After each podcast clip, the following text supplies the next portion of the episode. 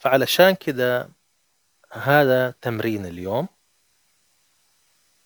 هات لك ورقة وقلم دفتر يعني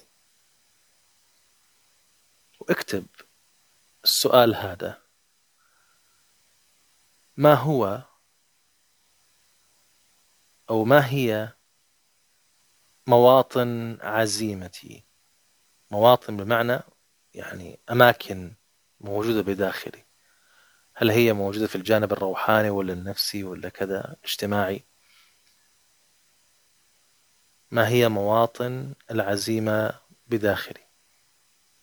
جرب اسأل هذا السؤال لنفسك وراقب إيش ممكن تعطيك من إجابات.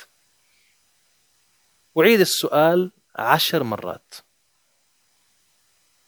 تمام؟ هذا هو التمرين. أرجو أنكم تشاركونا مع بعض هذا التمرين.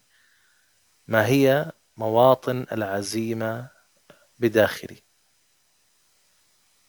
أو أين أو أين وين هي موجودة يعني؟ أين أجد مواطن العزيمة بداخلي؟ ما هي مواطن العزيمة وأين أجدها بداخلي؟ ما هي هذا السؤال؟ أين أجدها هذا السؤال؟ ما هي مواطن العزيمة؟ هذا شرح. يبدأ يحكي قصتي أنا مع العزيمة.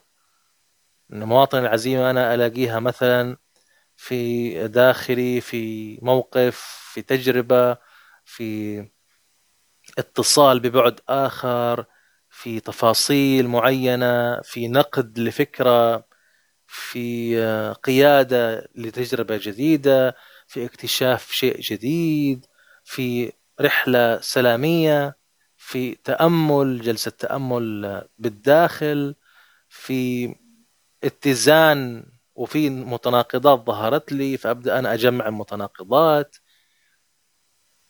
في أكثر من وجه وشكل ممكن يظهر لي لما أسأل ما هي مواطن العزيمة لدي؟ وأين أجدها هذا السؤال الثاني؟ أوكي؟ فأعيد هذا السؤال عشر مرات. تمام؟ حنكمل مع هذا القانون هذا لسه البداية. حنكمل غدا فتابع معنا بإذن الله.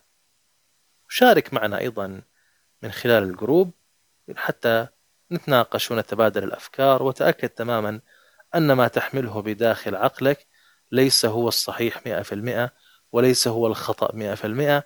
إحنا لما نتشارك الأفكار إحنا بنطور بعض وبنشوف وجهات النظر المختلفة وتأكد أنك أنت في بيتك الرقمي. هذا بيتك الثاني أو بيتك الأول الرقمي.